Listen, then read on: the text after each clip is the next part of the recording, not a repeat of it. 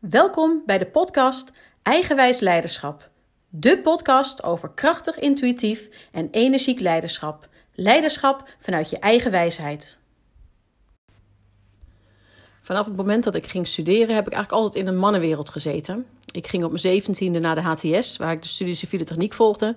Niet bepaald een studie waar veel vrouwen op afkwamen. In de klas zaten denk ik nou 30 mensen, waarvan drie vrouwen. Uh, en maakte enerzijds maakte dat, het, dat ik opviel. Want nou ja, hoe vaak ik destijds in de kroeg wel niet benaderd ben met... hey, HTS hè? Nou, dat was uh, nogal vaak. Maar anderzijds moest ik ook wel bewijzen dat ik mijn mannetje moest staan tussen al de testosteron. Vervolgens ging ik naar de universiteit en koos ik voor de studie technische planologie. Een studie die viel onder ruimtelijke wetenschappen, maar ook een behoorlijk technisch tintje had. Waar wellicht iets meer vrouwelijke studenten waren, maar nog steeds niet bijster veel. Nou, en na twee jaar werken bij de gemeente, waar, nou ja, goed, eerlijk is eerlijk, het gehalte mannen en vrouwen denk ik meer op één lijn lag, ging ik werken bij een ingenieurs- en adviesbureau. Wederom een mannenwereld. Ik ging al vrij snel opereren in het management van het bedrijf. En als je dan kijkt naar de verhouding mannen versus vrouwen in het management, nou, dat is echt bizar. In de loop der jaren werd het gehalte vrouwen in lijnmanagement wel wat hoger, maar vrouwen aan de commerciële kant, nou, die waren echt wel op één hand te tellen. En dat zie ik gewoon wel echt uh, meer in de breedte en meer in de technische sector terug. En ik wil verder niet de discussie aangaan waarom dat zo is. En ik wil ook geen pleidooi houden voor vrouwen in managementposities. Dat wordt al vaak genoeg gedaan. Maar het zegt wel wat over de cultuur um, van een bedrijf en hoe er van oorsprong wordt gekeken naar leiderschap. En dat vind ik dus wel weer heel erg interessant. Juist omdat er nu wel echt een verandering gaande is in leiderschap. Een, uh, een paar generaties terug was leiderschap behoorlijk masculien, uh, sturend, hiërarchisch, daadkrachtig, uh, resultaat en feiten gedreven. En wanneer ik, wanneer ik het dus ook heb over mijn mannetje moeten staan, dan betekent dat dat, je, dat ik in ieder geval deze eigenschappen behoorlijk heb moeten inzetten. En nou ja, mijn masculine eigenschappen zijn dan ook behoorlijk goed ontwikkeld uh, in die periode. En om als vrouw, maar eigenlijk ook als man, dus in een mannenwereld te opereren, zal je voor een groot deel moeten snappen hoe deze wereld werkt. Je moet zogenaamd dus inderdaad het mannelijke spel kunnen spelen. En uh, je moet het mannelijke spel kunnen spelen om zichtbaar te worden en er te zijn en zichtbaar te zijn. Um, en wanneer je dat krachtig opstelt, krijg je dingen sneller en makkelijker voor elkaar. En daarnaast moet je ook jouw motivatie feitelijk goed voor elkaar hebben om mensen te kunnen overtuigen. En ik moet eerlijk zeggen dat ik um, nou, gedurende mijn carrière het regelmatig nogal stom vond dat het zo werkte. En ik heb ook best wel tegenaan geschopt.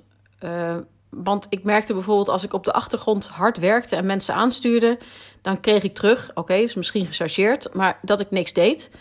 En wanneer ik mijn leidinggevende bijvoorbeeld meenam in de cc's van e-mails die ik stuurde, dan kreeg ik complimenten hoe voortvarend ik bezig was. Nou, zo basaal werkte het dus. En dat, nou, ik vind het nog steeds idioot, maar goed, blijkbaar werkt het dus zo.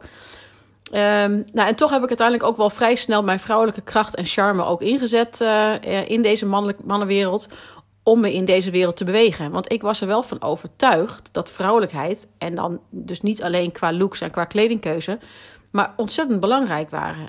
En dat geloof ik nog steeds en ook steeds meer.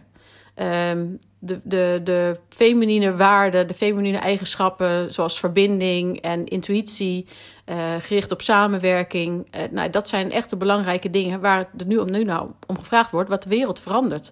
En de wereld vraagt om ander leiderschap. En dat is ook, dus inderdaad ook wat ik, nou, wat ik zei, maar ook meer coachend en gelijkwaardig, uh, empathie. Um, en elkaar waarderen vanuit ieders unieke kracht. En uh, de leiders, zowel mannen als vrouwen, die ook de balans hebben tussen dat masculine en hun feminine eigenschappen, die kunnen spelen met wat er op dat moment nodig is, die gaan het verschil maken.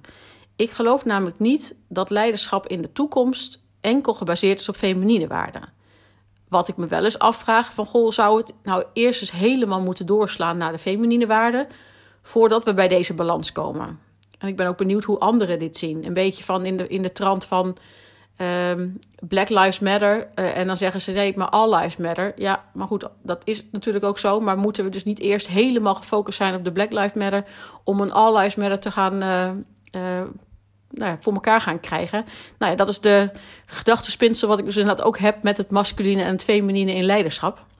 Maar goed, overigens over hiërarchie gesproken. want toen ik pas leidinggevende was, heb ik me echt wel verbaasd over oudere werknemers die mij dan hun meerdere konden noemen. En ik vond dat zo bijzonder. Want weet je, bij mij is gelijkwaardigheid zo'n sterk uitgangspunt. Zowel naar mijn team als naar de leidinggevende, zeg maar boven mij. Dat ik me niet kan voorstellen dat je denkt dat er dus iemand boven je staat. Uh, want je bent niet boven of onder. Je bent niet meer of minder. Je hebt als leidinggevende een bepaalde rol te vervullen. Of dat nou in de lijn is, of in de commercie of in een project, maakt niet uit. Maar dat maakt niet dat je meer of minder bent dan de ander. Ik denk dat gelijkwaardigheid dus ook wel een basis is voor nieuw leiderschap. In ieder geval de gelijkwaardigheid als mens. De kracht van de ander kunnen zien en waarderen. Dus niet allemaal hetzelfde, maar wel gelijkwaardig. En het kan natuurlijk wel zijn dat je als leidinggevende dat je uh, impopulaire maatregelen moet nemen of dat je bijvoorbeeld iemand moet ontslaan. En dat is uiteindelijk ook part of the job. Nou ja, daar word je, daar word je voor betaald. Uh, gekscherend gezegd. Maar dat doe je niet omdat deze mensen of deze persoon niet leuk is of niet goed genoeg is. Maar omdat ze op een bepaald moment uh, of bepaalde situatie niet meer passend zijn bij de, bij de organisatie.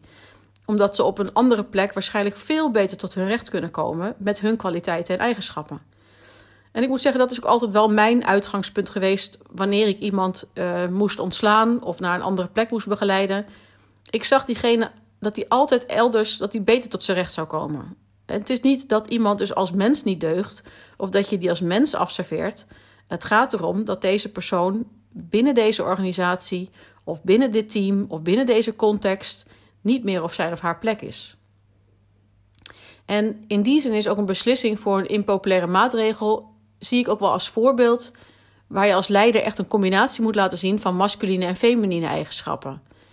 Uh, daadkrachtig en duidelijk in de boodschap. Um, en empathisch en lange termijn gericht als het gaat om de verbinding. Um, en dat beide heb je inderdaad nodig. Kijk, uiteindelijk als jij als leidinggevende er omheen gaat praten, dan, dan komt de boodschap niet over. Dat is, dat is niet prettig. Nou moet ik zeggen, of dat nou masculin is of niet, eromheen praten vind ik sowieso vaak zelf niet uh, heel prettig. Maar ik ben nogal to the point en uh, van de helderheid en de duidelijkheid. Um, maar goed, en uiteindelijk heb je natuurlijk wel ook wel het empathische en het inlevende nodig om in te kunnen schatten: God, moet ik dit, dit gesprek nu op dit moment voortzetten?